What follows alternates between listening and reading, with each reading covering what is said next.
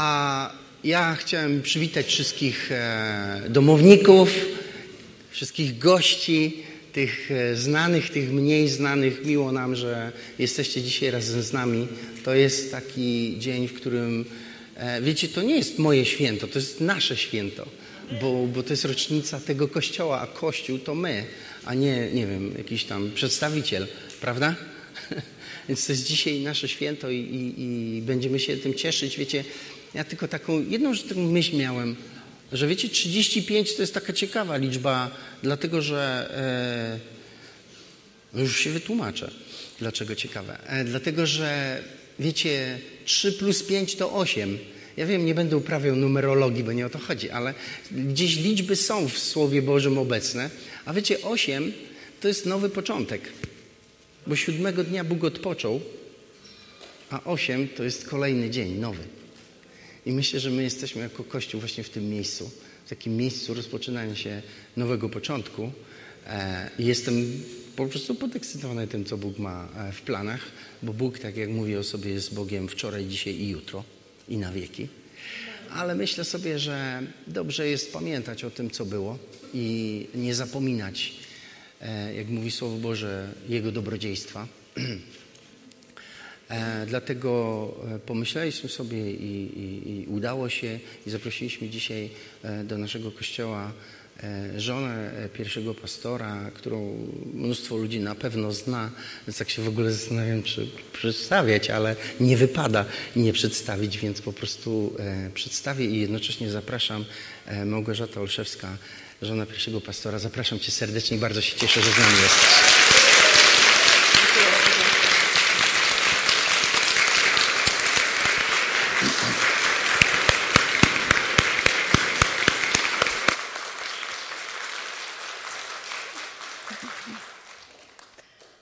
Bardzo serdecznie dziękuję za to zaproszenie i za to bardzo serdeczne przyjęcie e, dzisiaj z Waszej strony.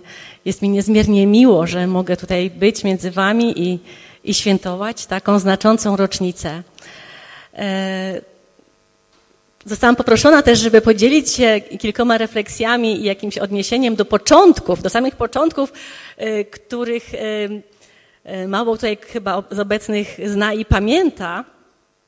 E, więc tak króciutko pozwolę sobie wrócić pamięcią i, i zaprosić Was do tego wspomnienia sprzed y, nawet ponad 35 lat, bo to nie zaczęło się tak naprawdę 35 lat temu, to wtedy nastąpiła jakby oficjalna rejestracja Kościoła, ale zaczęło się to jeszcze wcześniej, e, kiedy w 1984 roku e, Przyjechaliśmy z mężem tutaj do Polski z Ameryki. Ja się wychowałam, jestem rodowitą wrocławianką, wychowałam się tutaj, e, ale e, kiedy właśnie wyszłam za mąż za, za tego misjonarza, założyciela, Franka, który chociaż był Amerykaninem, pochodził z polskiej rodziny, stąd moje nazwisko Olszewska, pochodził z polskiej rodziny. E, jego rodzice byli emigrantami takimi wojennymi, ponieważ e, byli jeńcami, jeńcami wojennymi do Niemiec wywiezieni na roboty i potem stamtąd po wojnie uwolnieni przez aliantów, uwolnieni, stwierdzili, nie wracamy do Polski, e, tylko wyjedziemy gdzieś dalej. Wyjechali do Ameryki, tam, tam e, Franek urodził się jako czwarty w rodzinie z sześciorga dzieci. Ale zanim tu przyjechaliśmy w 1984 roku, 10 lat wcześniej, mój mąż nawrócił się i na początku lat 70. i razem z jego nawróceniem, od razu z jego nawróceniem, kiedy właśnie na chyba pierwszym roku studiów przyjął Pana Jezusa, do jego serca, chociaż nigdy w Polsce nie był, do jego serca po prostu weszło pragnienie, żeby wyjechać, pojechać do Polski i głosić Jezusa. Był takim ewangelistą w zasadzie od początku, od nawrócenia. I, i to pragnienie po prostu jakby było w pakiecie razem z nawróceniem. Ale wiecie, on Polskę znał, może znał, może nie znał nam z opowiadań. Troszeczkę znali Polski, zanim poszli do szkoły, on i jego rodzeństwo, bo rodzice po polsku mówili, ale poszli do szkoły, wszyscy się przestawili na angielski. Więc on po tym nawróceniu e, e, jakby odświeżył swój angielski, te, y, polski, przepraszam, język polski, właśnie wtedy, kiedy chciał jako taki po prostu niepoprawny ewangelista, co nawracał wszystkich, co, wszystko, co się ruszało. Chciał ewangelizować swojego dziadka, który nigdy nie nauczył się angielskiego, chociaż też y, mieszkał już kilkadziesiąt lat w Ameryce, ale po prostu nie nauczył się, bo mieszkał wśród Polonii, pracował z Polakami, nie potrzebował angielskiego, ale był już na łożu śmierci, miał ponad 80 lat i Franek mówi, no jak on może po prostu odejść z tej ziemi i nie usłyszawszy Ewangelii?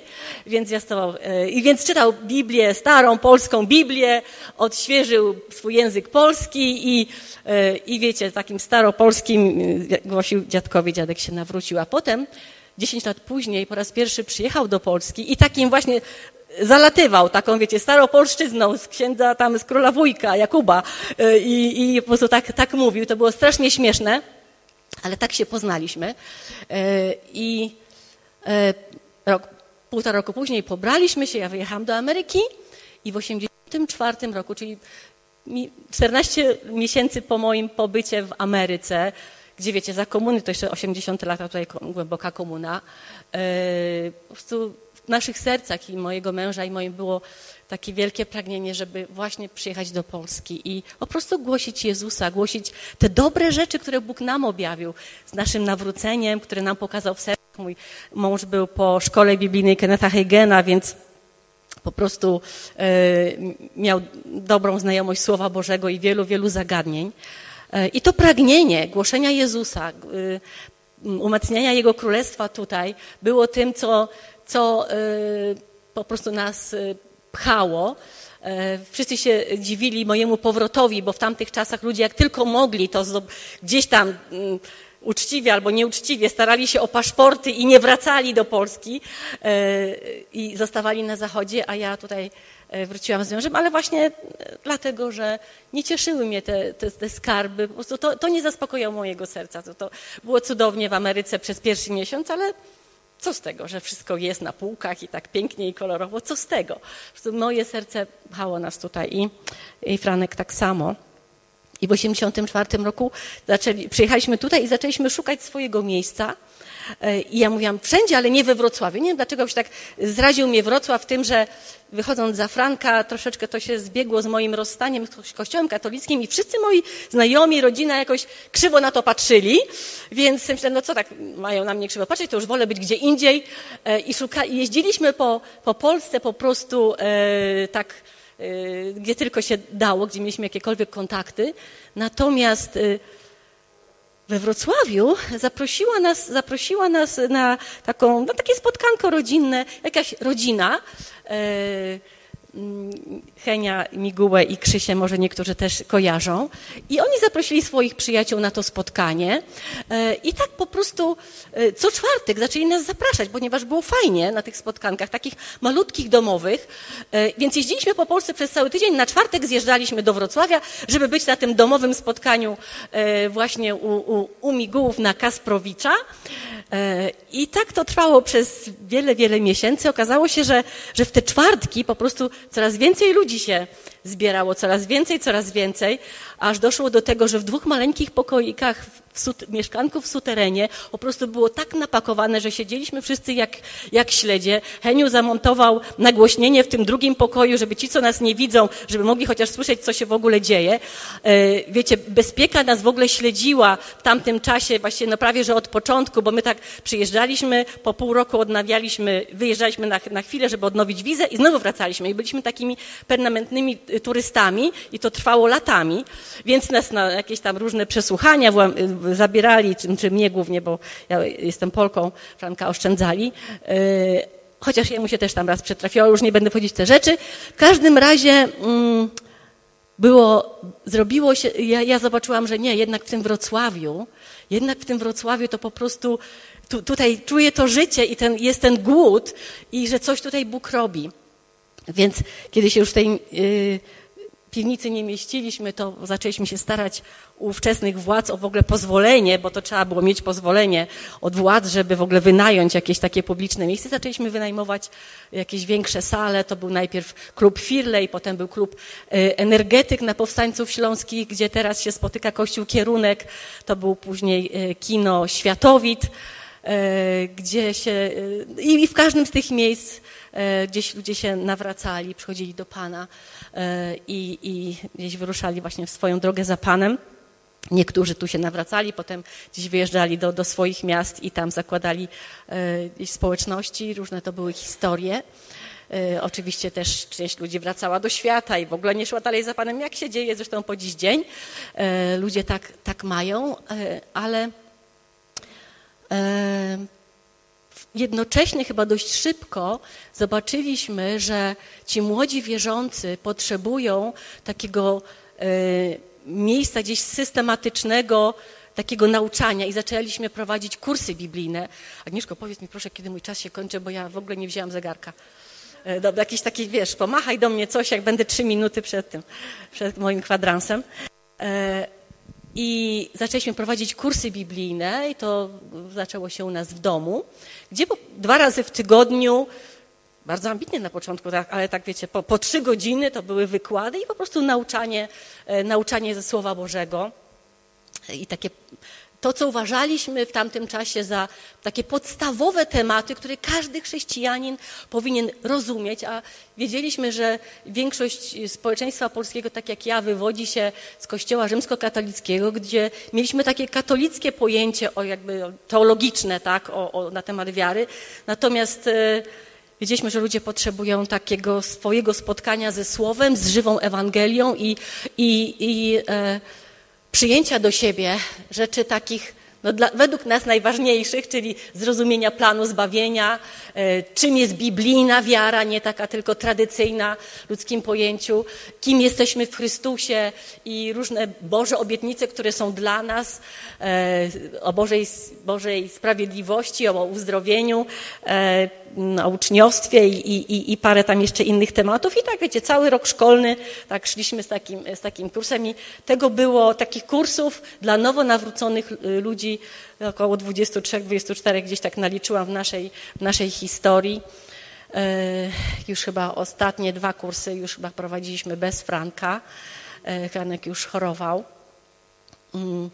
Ale tak jak do, po dzień dzisiejszy słyszę, e, to jak ci, którzy wytrwali, ci, którzy nie odpadli, którzy w tych różnych burzach swoich własnych życiowych, burzach kościelnych, burzach w świecie i tak dalej, wytrwali i, i, idą za Panem, to mówią, że te podstawy właśnie na tym kursie, że, że to było coś, co, co do nich wraca, co ich trzyma, co, z czego cały czas korzystają. Ja zresztą też, ale też nie powiem, że Bóg nie zweryfikował mojej teologii. Dzisiaj może gdybym układała plan do szkoły biblijnej, czy do kursu, na kurs biblijny, to bym troszeczkę poprzestawiała, dałabym dołożyłabym trochę rzeczy, a zabrałabym też trochę, jakby, gdyby to się miało mieścić w jednym roku. E, ale powiedziałabym tak, takim, takim DNA naszego kościoła i to był też powód, dla którego założyliśmy kościół 35 lat temu, bo na początku mówiliśmy, nie, my kościoła nie będziemy zakładać, ale wiecie, to tak jak z tym, że nie będziemy we Wrocławiu. Potem się po prostu nie dało. E, zobaczyliśmy, że ale właściwie ludzie muszą w kościele mieć to środowisko, to miejsce, gdzie to, czego się tutaj uczą, no powiedzmy w tym naszym kursie, żeby w, w tym duchu mogli dalej iść. Więc, więc stwierdziliśmy, że jednak kościół chyba jest potrzebny, trzeba założyć. E, I, e, I tak poszliśmy dalej. Kościół miał różne, wiecie, różne burze przeżywał też po drodze, e, ale ale to, to DNA wiary, to DNA trzymania się Słowa Bożego, to DNA autorytetu Słowa Bożego, to DNA po prostu trwania przy Panu i takiej intymności z Nim, to jest cały czas. To jest cały czas. I dzisiaj, dzisiaj widzę wiarę jako coś dużo więcej niż przyjmowanie Bożych obietnic. Widzę wiarę jako podążanie za Panem w posłuszeństwie. Apostoł Paweł tak powiedział, że jesteśmy powołani do tego, żeby przywieść do posłuszeństwa wiary wszystkie narody. Dziś nie widzę wiary tylko jako tematu takiego, wiecie, przyjmowania dobrych rzeczy od Boga. Tak to wtedy podkreślaliśmy, bo sami mieliśmy te sieroce serca, które po prostu potrzebują przyjąć, żeby się w ogóle trzymać. Ale dziś widzę wiarę jako właśnie temat, do posłuszeństwa Bogu, aż do oddania swojego życia. Widzę temat wiary jako temat do poznawania Boga i zgłębiania Jego serca. Dziś rozumiem wołanie Dawida, króla Dawida, który wołał w psalmie 21 o, 27, przepraszam, o jedno prosiłem Pana i o to zabiegam, aby móc mieszkać w domu Pana po wszystkie dni mojego życia i aby oglądać piękno Pana i móc rozmawiać z Nim w Jego świątyni. I dziś bez wiary wiem, że tego nie można robić. Bez wiary nie można wejść w tą, to, to posłuszeństwo, które sprawia, że jesteśmy gotowi oddać życie. Nie, bez wiary nie można wejść w to poszukiwanie Bożego serca, które staje się najważniejszą i największym pragnieniem naszego serca. Nie, nie, nie tylko dobre rzeczy, obietnice, e, które są cudowne i które Bóg ma dla nas i ma te błogosławienia, ale właśnie Dawid, bo zobaczyłam to w jego życiu, ten, który był królem, ten, który był wodzem, ten, który miał na głowie po prostu cały kraj i zawojowanie i wywalczenie e, dla Pana wielu, e, wielu obszarów, on właśnie wołanie najbardziej, aby zobaczyć Twoje piękno, aby oglądać. Oto ta jedna rzecz. E, apostoł Paweł zresztą to samo powiedział, że wszystko uznaje za śmiecie. Wszystko uznaje za śmiecie, że poznanie Jezusa Chrystusa e, jest tym największym. I to, I to jest, myślę, kwintesencją i takim ostatecznym celem wiary. To jest właśnie poznanie Jego. I tym słowem chciałam Was pobłogosławić. Coś jest tak z moim e, mikrofonem? Tak, tak? okej, okay, dobrze, ja już i tak kończę, ale dziękuję bardzo. E, tym właśnie słowem chciałam Was pobłogosławić, żebyście trwali w wierze, e, przyjmując od Pana wszystko, co ma dla nas, ale jednocześnie podążając w posłuszeństwie dla Niego aż do śmierci. E, niekoniecznie dzisiaj dajemy się e, zastrzelić, ale czy, czy wrzucić do więzienia, ale umieramy bierzemy swój krzyż, żeby być Mu posłuszni, żeby wypełnić Jego powołanie i żeby poznawać Jego dzisiaj i poznawać Jego serce. Tym chciałam Was pobłogosławić. Dziękuję bardzo za tą możliwość bycia tutaj. Gratuluję serdecznie Waszej społeczności, gratuluję pastorowi e, Twojej rocznicy, Arturze, też dzisiaj. Niech Bóg Wam błogosławi, prowadzi e, i czyni swoje wielkie, cudowne rzeczy przez Was. Chcieliśmy podziękować Ci, bo e, my z kolei jesteśmy Bogu wdzięczni i będziemy zawsze pamiętać o tych, że zakładali fundamenty e, tego kościoła. I to, co dzisiaj powiedziałaś o wierze, o wytrwałości, o autorytecie Słowa Bożego, to jest absolutnie, więc dziękujemy Ci najbardziej. Wyłączyłem, wyłączyłem.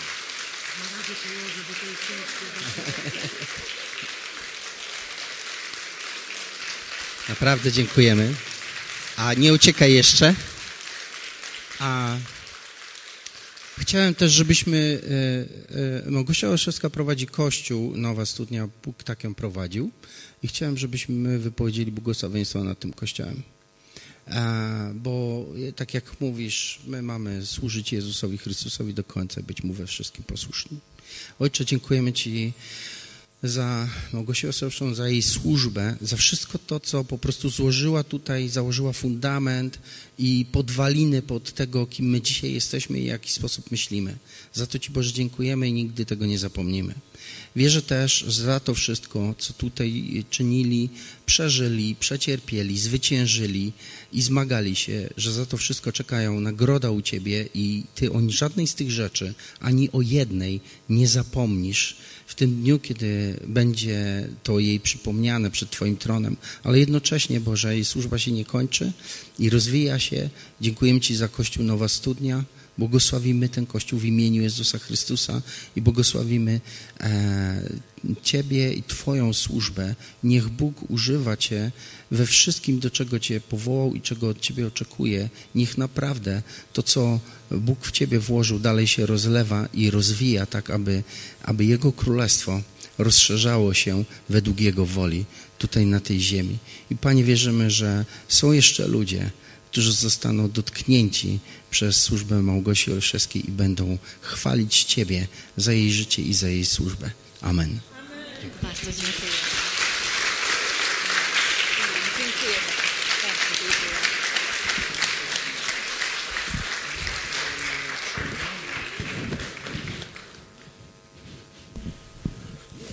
Słuchajcie, dzisiaj jeszcze mamy wyjątkową jedną rocznicę i przypadł mi ten zaszczyt, żeby o tym powiedzieć. Mamy 25-lecie posługi pastorskiej naszego e, szacownego pastora. Artur, zapraszam Cię i chcieliśmy się o Ciebie pomodlić.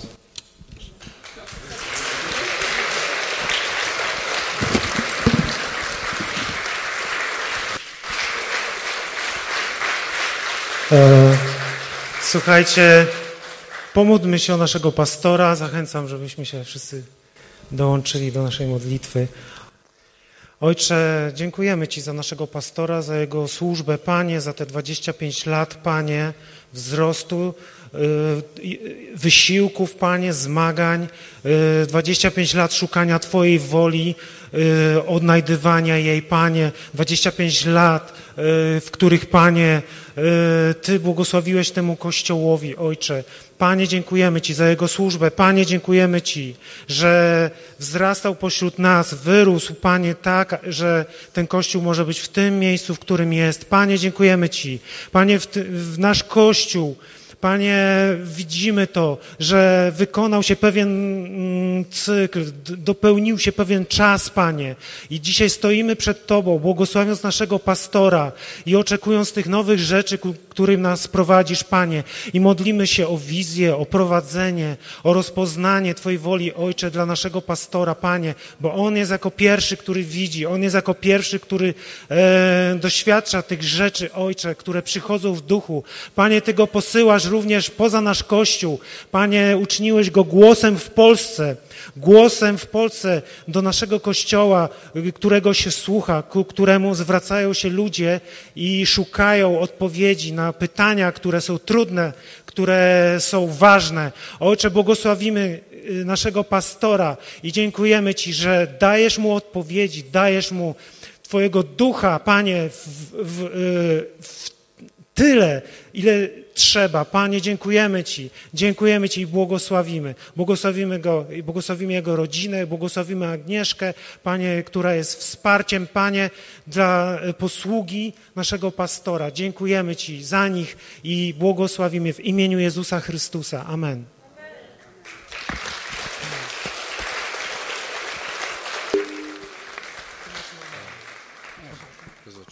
Będzie działać? Czy nie? Będzie. Dziękuję. Dziękuję Wam bardzo, naprawdę. A, I tak e, możemy usiąść na chwilę, bo tak jak Małgosia powiedziała e, dzisiaj, wiecie co, no to tak jest w tym Kościele, że tu najważniejsze to jest e, Jezus i Słowo Boże. I my się, e, my się wszyscy temu Słowu chcemy podporządkowywać, bo w nim jest życie, jak, mówi, jak, jak ono samo o sobie mówi. I tego Bożego życia nie da się przyjąć w żaden inny sposób. A ja e, chciałem przeczytać taki fragment z księgi Jeremiasza i trochę e, parę zdań na, na, powiedzieć, żeby nie, może nie przeciągać. To jest księga Jeremiasza, 20 rozdział i 7 werset. A powiedzieć parę zdań o służbie. A Jeremiasz napisał w 20 e, rozdziale i 7 wersecie tak. Namówiłeś mnie, Panie, i dałem się namówić. A namówiłeś mnie i dałem się namówić. I myślę, że to jest taki bardzo obrazowy taki fragment, który mówi o służbie. Wiecie, służba to nie jest robienie kariery w kościele. Chociaż niektórzy lubią ją robić, ale prędzej czy później nic z tego nie wychodzi. Służba też e, nie polega na tym, że e, ludzie, którzy służą w kościele, spełniają potrzeby, które ludzie w kościele mają, chociaż ta służba polega na, na zaspokajaniu potrzeb ludzi, ale to nie jest fundament służby. Fundamentem służenia Jezusowi Chrystusowi w Kościele jest służenie Jezusowi Chrystusowi. I ja służę w tym Kościele, ponieważ służę Jezusowi, ale nigdy na odwrót. E, bo na tym właśnie e, polega służba. I wiecie, moją motywacją e, też nie jest, nie wiem, osiągnięcie czegoś wielkiego, jakaś władza i tak dalej. Nie. Myślę, że jeżeli to są jakieś inne płytsze motywacje, to zostaną wystawione na próbę i wszyscy, którzy je, nimi, nimi się posługują, będą mieć problem. Pamiętam kiedyś a, zaczęliśmy rosnąć jako kościół. Było nas około 70 osób i miałem taką ambicję i modliłem się do Boga i mówię, Boże, chciałem, żeby, żebyśmy przekroczyli 100. I to była moja ambicja. Chodziłem, pościłem, modliłem się, żebyśmy przekroczyli 100 osób. I akurat, wiecie, Bóg e, powiedział do mnie, w tym roku przekroczycie liczbę 100 osób w kościele i faktycznie przez kilka miesięcy mieliśmy takie bardzo mocne poruszenie i rzeczywiście przekroczyliśmy 100 osób. Ale wiecie, chciałem powiedzieć wam, że jak już tak się stało i na tych nabożeństwach było około 100 osób, do dzisiaj pamiętam, jak na Kazimierza Wielkiego e, bywały takie niedziele, gdzie nie było już miejsc siedzących i ludzie stali na korytarzu, bo nie było gdzie siedzieć i e, wszyscy się cieszyli, a mnie serce bolało, bo myślę sobie, no to jak to jest, żeby nie było miejsca dla nowych ludzi. Ale kiedy do, też doszliśmy do takiego punktu, e, wiecie co? Przyjechałem kiedyś do domu i powiedziałem mojej żonie, wiesz co, straciłem motywację. Straciłem motywację do służby. Już nie wiem. I zrozumiałem coś. To była lekcja dla mnie, że te wszystkie cele, jakieś liczbowe, nie wiem, jakieś e, ilościowe, jakościowe i tak dalej, one nie mogą być motywacją. Bo wiecie, no Mam jakąś taką wadę, że lubię myśleć, więc po prostu zrozumiałem, że jeżeli tak się dzieje, kiedy przekraczamy pewien próg 100 osób, no to co to będzie za różnica, jaki próg przekroczymy? Ile by to nie było, za każdym razem będzie to samo. Tak? Za każdym razem będzie to samo. I to jest w ogóle dobra nauka, jeśli chodzi o osiąganie celów w życiu. Że Twoim celem nie mogą być materialne cele. Dlatego, że jeśli je osiągniesz, to stracisz motywację do rozwoju. Rozumiecie? Jeśli Twoim celem jest wejść na Mount Everest i któregoś dnia wejdziesz na ten Mount Everest, co będziesz robić później? Nikt o tym nie myśli, bo najważniejszy jest Mount Everest, nie? I, i powiem wam, co będziecie robić. Przyniesiecie do domu zdjęcia, pochwalicie się paru ludziom. Na niektórych to zrobi wrażenie, na niektórych to nie zrobi wrażenie i i stracicie motywację i będziecie myśleli o tym, jak odnaleźć jakąś inną, nową i kolejny cel, i kolejny cel, a po kolejnym osiągniętym celu będzie to samo. Dlatego wtedy zrozumiałem, że to się musi zmienić permanentnie, że to jest błąd. I przypomniał mi się ten fragment. Namówiłeś mnie i dałem się namówić. I wiecie, dałem się namówić Bogu, żeby Mu służyć. I a, prawdopodobnie nie myślałem, e, co to znaczy, ale to nie jest istotne, bo nie jest istotne, co człowiek przechodzi w wierze, tylko z kim, dla kogo to robi. I ja dałem się Jemu namówić i to we mnie ciągle jest i we mnie siedzi. I ja nie zrezygnuję tylko dlatego, że ktoś mnie źle potraktował albo nie wiem. Będę wpadał w euforię, bo ktoś mnie dobrze potraktował, bo to nie jest moja motywacja. Moją motywacją jest to, że któregoś dnia On mnie namówił, żebym Mu służył. I ja to pamiętam. pamiętam to, bo... E, Wiecie, ja, ja, bardzo szybko chciałem służyć w kościele, więc byłem trochę nieznośny, sądzę, w tej kwestii. Mogę się jest łaskawa i kręcić głową, że nie, ale dobra, ja tam też jakby mam swoje spojrzenie na ten temat. E, I a, więc starałem się robić to, co gdzieś tam mogłem i tak dalej. E, starałem się Cię służyć Jezusowi Chrystusowi tak, jak umiem z całego mojego serca. Czy to było mądre, czy to było głupie, to już jest osobna sprawa. Do dzisiaj e, e, pamiętam taką historię z Frankiem Olszewskim, kiedy e, prowadziłem uwielbienia na Stawowej. Tam był taki budynek I w tym budynku była szkoła kiedyś chrześcijańska i oni nam udostępniali salę na nabożeństwa w tygodniu. Myśmy tam prowadzili nabożeństwa, my, to znaczy Frank prowadził, a ja grałem tam uwielbienie. A i to był taki okres w moim życiu, kiedy byłem e, bardzo mocno rozw- taki rozwinięty w uwielbieniu. Grałem, była Boża obecność na tym uwielbieniu i to naprawdę czasami niesamowita. Ale co innego chcę powiedzieć, bo pamiętam, że któregoś dnia przyszedłem e, na nabożeństwo i Frank się ze mną spotkał i mówi: Artur, ty po prostu grasz za długo to uwielbienie, więc dzisiaj zagrasz trzy piosenki i to koniec. I to jest taka dobra nauka dla wszystkich, którzy prowadzą uwielbienie. Wiecie, ja to usłyszałem i myślę sobie, jakie trzy piosenki? Uwielbienie się prowadzi, aż Duch Święty, wiecie, powie, że nie.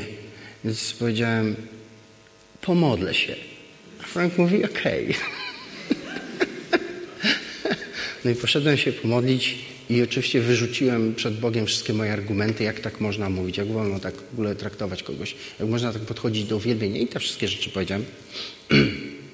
I jak skończyłem, Pan Bóg jest łaskawy, wysłuchał mnie do końca, a potem powiedział mi tak, e, jeżeli nie zrobisz tego, co usłyszałeś, to, nie, to jest koniec Twojej służby. No, to tego się nie spodziewałem usłyszeć. I wiecie, nauczyłem się tego, o czym myślę wtedy, może się nie nauczyłem, ale usłyszałem i zacząłem to uczyć się, że wiecie, w służbie e, najważniejsze jest posłuszeństwo, a nie nasze osiągnięcia. Tak? Bo nie chodzi o to, co ty potrafisz, tylko chodzi o to, czy ty jesteś użyteczny temu, który cię używa. Amen. Gdzie któregoś dnia, pamiętam, pomogłem komuś się podnieść z jego problemów. Wyprowadziłem go z poważnych problemów, które miał. E, wróciłem do domu i byłem taki zadowolony i Bóg do mnie mówi, dlaczego się wtrącasz do tego, co ja robię? I ja myślę sobie, jak to? Przecież pomogłem komuś, to coś złego? A Bóg mówi do mnie tak, przez to, że mu pomogłeś, nie pozwoliłeś mu nauczyć się tego, co to znaczy wpadać w takie rzeczy i dlaczego się w te rzeczy wpada. I nie byłem w stanie go tego nauczyć, bo ty go za wcześnie wyciągnąłeś z jego problemów. Jak to powiedział jeden Żyd, musisz się zastanowić, czy jak komuś pomożesz, to mu pomożesz. e, I ja wracam cały czas do tego samego. Jeremiasz powiedział, namówiłeś mnie, więc dałem się namówić i e, każdy z nas potrzebuje usłyszeć i zrozumieć, do czego Bóg, go Bóg namawia i na czym to ma polegać. My się w jakimś sensie tego uczymy całe nasze życie, e, ale myślę, że to jest dla, dla mnie jedyna motywacja, która się nigdy nie kończy, bo to jest coś, co jest między mną i Nim. Ja Bogu dziękuję za, za, za, ten Kościół i naprawdę wierzę, że my jesteśmy na brzegu nowych, y, nowego rozdziału w tym Kościele, ale to nadal nie zmienia mojej motywacji, dlaczego ja tutaj jestem, dlaczego ja Mu służę. Ja Mu służę, bo On mnie do tego namówił. I czy będą z tego profity, czy nie, czy będą sukcesy, czy będą porażki, to nie ma znaczenia. Znaczenie ma to, że ja robię to, do czego On mnie powołał. I więc myślę, że chcę zakończyć tym. Nie myślę sobie, żebym był jakimś wyjątkowym człowiekiem. I myślę wręcz, że Bóg chce namówić dużo więcej ludzi. I chciałem zakończyć tym, daj się namówić Bogu. Daj Mu się namówić do tego, do czego On chce Cię powołać. Daj Mu się namówić do tego. Tak jak Je, Je, Jeremiasz powiedział, namówiłeś mnie i dałem się namówić. Daj Mu się namówić. Pozwól Mu się przekonać i przyjmij to, że On coś chce od Ciebie i On chce namówić Cię do czegoś żebyś coś zrobił dla Niego, żebyś Mu w jakiś sposób służył. Daj się namówić Bogu. Daj się namówić Jezusowi. I wiesz, jeśli dzisiaj to usłyszysz i się otworzysz, zobaczysz, że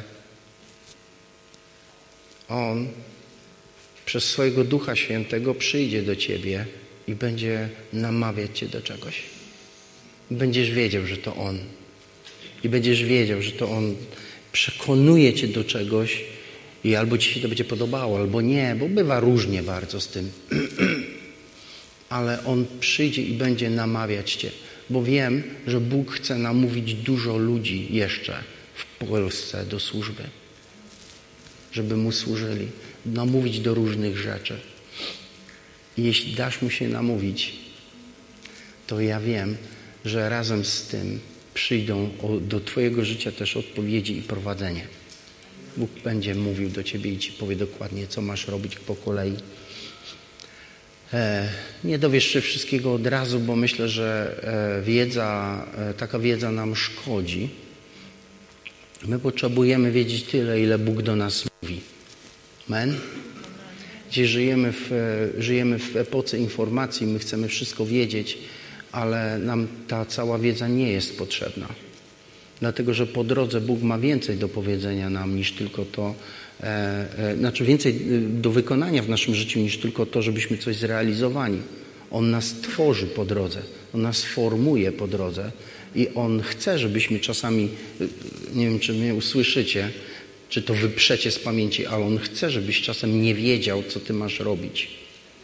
On chce tego. Dlatego, że kiedy Bóg zostawia Cię w miejscu, i byłem w takim miejscu wielokrotnie, kiedy nie wiedziałem, co robić, i wiecie, Bóg chce Cię trzymać w takim miejscu, bo w tych miejscach, w których nie wiesz, co robić, wychodzą Twoje motywacje.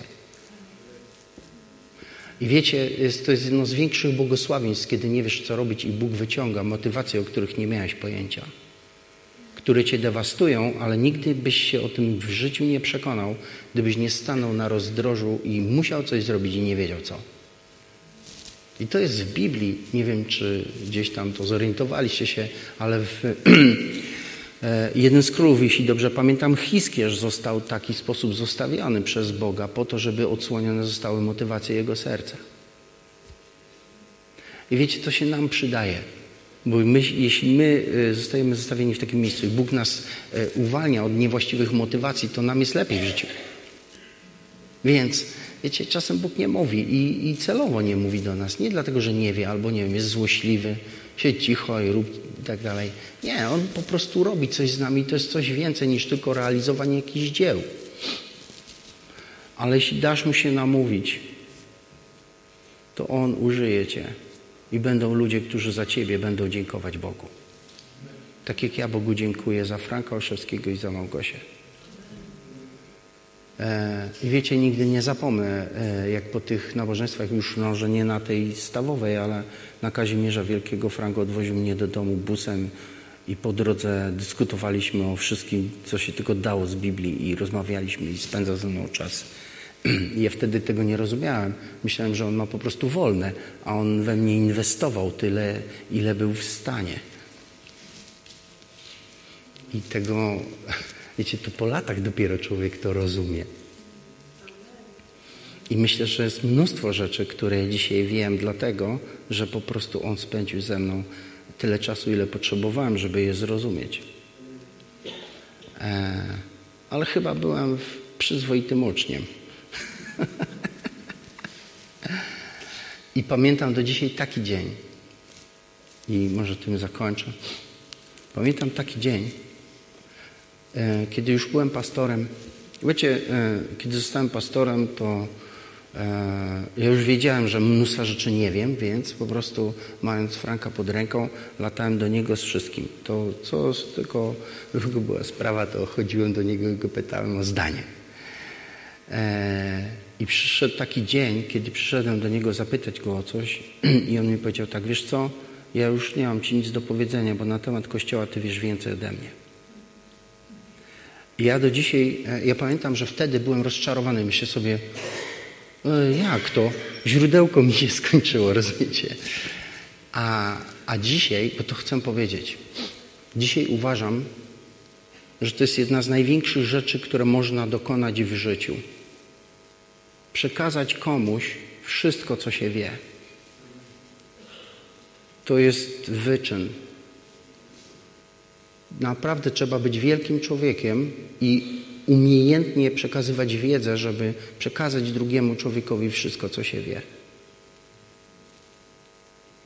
I wiecie, ja sobie tego nigdy nie zapomnę, bo ja mam taką ambicję zrobić to samo z, nie, z paroma z Was, albo z większością, nie wiem, ile dam radę. Przekazać wszystko, żeby, żeby, żeby ci, którzy ode mnie przyjmują, któregoś dnia wiedzieli więcej niż ja. I ja uważam, że na tym polega rozwój. I uważam, że na tym polega prawdziwa służba. Powstańmy. zanim zakończymy, e, moi drodzy, e, to chciałbym jeszcze skierować takie krótkie słowo do tych, którzy nas oglądają, a może jesteś tu na tej sali. Chciałem powiedzieć Ci, że tak jak Bóg kiedyś mnie namówił, On też chce Ciebie namówić. I zanim Bóg namawia człowieka do robienia jakichś dzieł dla Niego, to Bóg namawia człowieka do E, jeszcze jednej takiej podstawowej rzeczy. Bóg namawia go do tego, żeby człowiek do Niego przyszedł i żeby się z Nim spotkał. Żeby doświadczył tej osobistej więzi, jaką ma człowiek z Bogiem przez Jezusa Chrystusa. Jeśli tu jesteś albo mnie słuchasz i nie doświadczyłeś jeszcze takiej więzi, to chcę Ci powiedzieć, że Bóg przez Ducha Świętego chce Cię dzisiaj namówić do tego używając mnie, chcecie namówić do tego, żebyś Ty dzisiaj nawiązał z Nim osobistą więź. Taką, którą ma człowiek z najbliższą mu osobą. I Bóg tej więzi chce od zawsze i On szukał okazji i możliwości, żeby z tą więź z Tobą nawiązać. On jej potrzebuje i Ty jej potrzebujesz. A teraz ja chciałbym Cię namówić do tego, żebyś się zdecydował na, to, na, na ten krok. I, I, może ktoś powie, jak to zrobić, to e, ja jestem tu po to, żeby z, z, zrobić wszystko, żeby to było proste. Myślę, że to najprostszą rzeczą, jaką można zrobić, to jest po prostu pomodlić się do Niego i Go zaprosić do swojego życia. I On, jeśli, jeśli Go posłuchasz, On to zrobi. On nawiedzi Cię i wejdzie do Twojego życia i je zmieni. Zobaczysz. Ale Ty potrzebujesz się otworzyć i wysłać Bogu zaproszenie. Więc dlatego chciałem zaproponować nam wszystkim wspólną modlitwę, żebyśmy pomodlili się, żeby ta modlitwa to była z zaproszeniem dla Jezusa Chrystusa do, do Twojego serca. I wiem jedną rzecz, że ta modlitwa to jest jedna z takich, które Bóg zawsze wysłuchuje. Zawsze. Nie ma po prostu e, wyjątków. Więc e, chciałem, żebyśmy pochylili głowy i przez chwilę pomodlili się razem. I kiedy będziemy się modlić razem, módl się razem z nami. Wypowiedz słowa tej modlitwy, nie, nie do nas, wypowiedz je do Jezusa. I Jezus Chrystus Cię usłyszy. Usłyszy Cię i odpowie na tą modlitwę i wejdzie do Twojego życia. Pomódlmy się. Panie Jezu, wierzę, że umarłeś za moje grzechy i za całe moje życie stare na krzyżu. I przyjmuję Twoją ofiarę do mojego życia. I zapraszam Cię, wejdź do mojego serca i zamieszkaj na wieki. Ja dzisiaj ogłaszam Ciebie i wyznaję moim Panem i Zbawicielem. I decyduję dzisiaj, że będę Cię słuchać, będę Cię naśladować, będę za Tobą podążać i będę Twoim uczniem do końca moich dni. Amen. I chcę powiedzieć Ci, że jeśli modliłeś bądź modliłaś się taką modlitwą po raz pierwszy, Bóg wysłuchał Cię i zamieszkał w Twoim sercu i uczynił ten cud, który czyni z każdym z nas, którzy Go zapraszają i jesteś nowym człowiekiem.